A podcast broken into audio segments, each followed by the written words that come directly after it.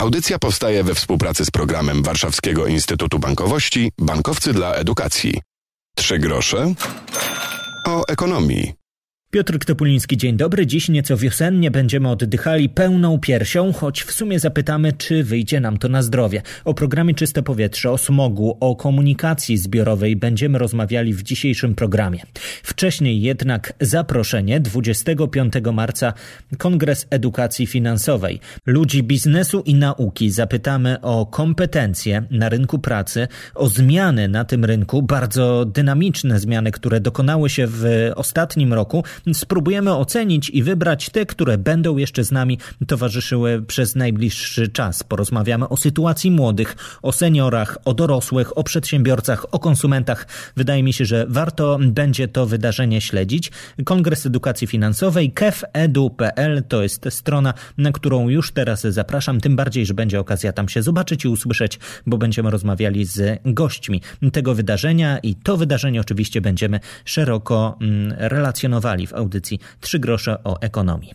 A teraz przesiadamy się po raz czwarty rozmawialiśmy o walce ze smogiem, która zdaniem ekspertów jest walką cywilizacyjną. Czwarty kongres czystego powietrza za nami. Rozmawialiśmy o transporcie, o tym jak się zmienia, a także o tym jak pandemia wpłynęła na szeroko rozumiany transport. Wielu z nas albo rzadziej, albo wcale nie jeździ komunikacją miejską. A problem smogu, problem kopciuchów to jest wciąż aktualna sprawa, podkreśla Adrian Furgalski, prezes zarządu zarządu zespołu doradców gospodarczych TOR.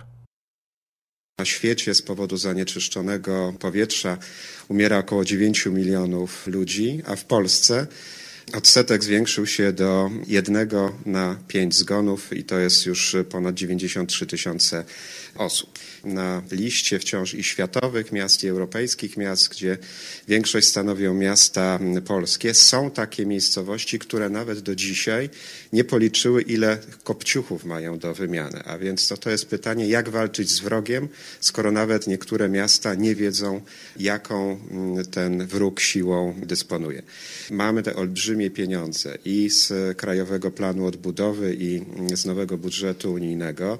No niestety mamy duże zamieszanie polityczne wokół tych środków, właściwie e, zerowe konsultacje i mam nadzieję, że te pieniądze, które są tam przeznaczane na chociażby e, zielony transport, nie będą e, tylko mm, na takiej zasadzie, że trzeba wydać, żeby ładnie w statystyce wyglądało, ale że pójdą w ślad też za tym reformy, o których na poprzednich edycjach kongresu wielokrotnie mówiliśmy, których się dopominaliśmy, jak chociażby no, w końcu nowa, dobra ustawa o publicznym transporcie zbiorowym. Coś, co ja uważam niestety nas cofnęło, no to jest właśnie pandemia i nie tylko to, że spora część osób nie musi się już tak często przemieszczać, bo pracuje zdalnie czy uczy się zdalnie, ale niestety wiele czynników i limity i także takie e, niczym nieuzasadnione przestrzeganie przed korzystaniem z komunikacji publicznej sprawiło, że wiele osób tej komunikacji unika, bo jej się e, boi.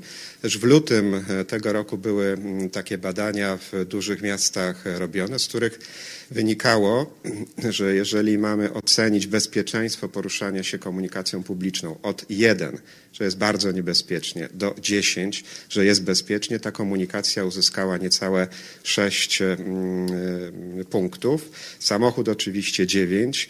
E, no i gdyby nie mm, pandemia, to pewnie znowu mielibyśmy rekord i sprowadzanych starych samochodów. Tutaj granica wciąż nie stanowi tamy dla mm, samochodów, które zatruwają mm, potem i mielibyśmy też pewnie więcej samochodów zarejestrowanych w naszych e, miastach. Tu są konieczne działania, żeby pasażerowie, którzy na szczęście w większości mówią, że wrócą do tej komunikacji, ale żeby wrócili w 100%. E, tymczasem 15, 20, 25% w zależności od miasta pasażerów mówi, że nie będzie chciał z tej komunikacji skorzystać nawet po zakończeniu pandemii, bo nie będą mieli do niej zaufania. Tutaj niestety mamy i duże straty straty sięgające przynajmniej 500 milionów złotych w tych spółkach przewozowych miejskich. I w niektórych miastach ratowano się podwyżką cen biletów, przerzedzeniem rozkładów jazdy, więc ta gorsza oferta też przyczyniła się do tego, że ten odpływ pasażerów jest większy. Niestety nie było pomocy rządu.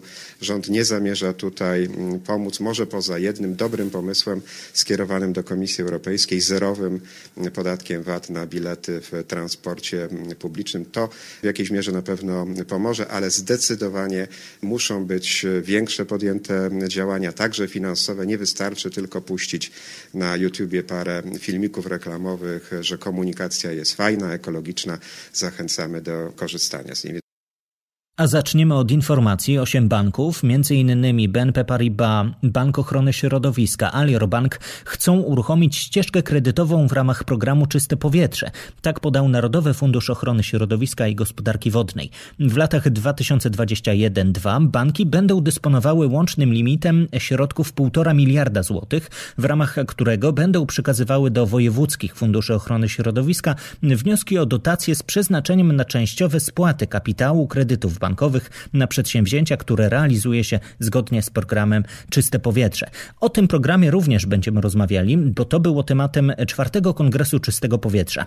Agnieszka Warso-Buchanan to liderka programu Czyste Powietrze w Europie Środkowo-Wschodniej, działaczka Fundacji Client Earth Prawnicy dla Ziemi. Co jej zdaniem powinno się robić w tym temacie, byśmy żyli w lepszym środowisku? Posłuchajmy. Już w 2018 roku Trybunał Sprawiedliwości powiedział jasno: 10-14 lat to jest zbyt długi termin na poprawę jakości powietrza. My w tej chwili przeżywamy kryzys zdrowotny związany z COVID-em. Badania wskazują, światowe badania wskazują, że tam, gdzie jakość powietrza jest najgorsza, czyli na przykład północne Włochy czy południowa Polska, odsetek osób umierających jest najwyższy. Natomiast e, polski rząd decyduje, właściwie nie wiemy dlaczego, nie zostały przeprowadzone badania, przynajmniej nie zostały one udostępnione opinii publicznej, dlaczego wybieramy termin 10 lat na poprawę jakości powietrza i odejście od spalania paliw stałych, kiedy wiemy doskonale, że głównym źródłem zanieczyszczenia powietrza na razie jest spalanie paliw stałych, a my przyjmujemy, przynajmniej taka jest propozycja polityce energetycznej, że to będzie 10, a może 20 lat. Biorąc pod uwagę interpretację prawa, która jest jasna i ona nie budzi wątpliwości, 10 lat na poprawę jakości powietrza to są zbyt odległe terminy, szczególnie biorąc pod uwagę, że mamy fundusze na poprawę jakości powietrza. Inwestowanie w programie Czyste Powietrze, w kotły, i w spalanie węgla jest działaniem zupełnie nieuzasadnionym. Postulujemy, żebyście Państwo przyjrzeli się i jeszcze raz zweryfikowali założenia e, programu Czyste Powietrze. Ja chciałam wskazać, że w roku 2019 w Warszawie było 58 dni z przekroczeniem norm dotyczących pyłu zawieszonego. To jest bardzo, bardzo dużo. To jest praktycznie okres wakacji. W ciągu ostatnich dwóch, trzech lat nastąpiła niewielka poprawa jakości powietrza.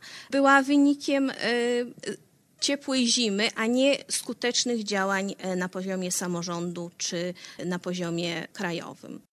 A zaczniemy od informacji, bo na dniach Sąd Najwyższy zajmie się zagadnieniem, czy prawo do życia w czystym środowisku i oddychania powietrzem spełniającym standardy stanowi dobro osobiste. I o tym dzisiaj trochę rozmawiamy w audycji Trzy grosze o ekonomii, bo relacjonujemy niedawny Kongres Czystego Powietrza. Eksperci zajmujący się i transportem, i gospodarką, i środowiskiem rozmawiali o tym, co można by w tym temacie zrobić, jak sprawić, by program Czyste Powietrze był bardziej sprawny, by Polacy Chętniej mm, dowiadywali się o tym programie i korzystali z tego, że można wymienić kopciuch choćby w swoim domu.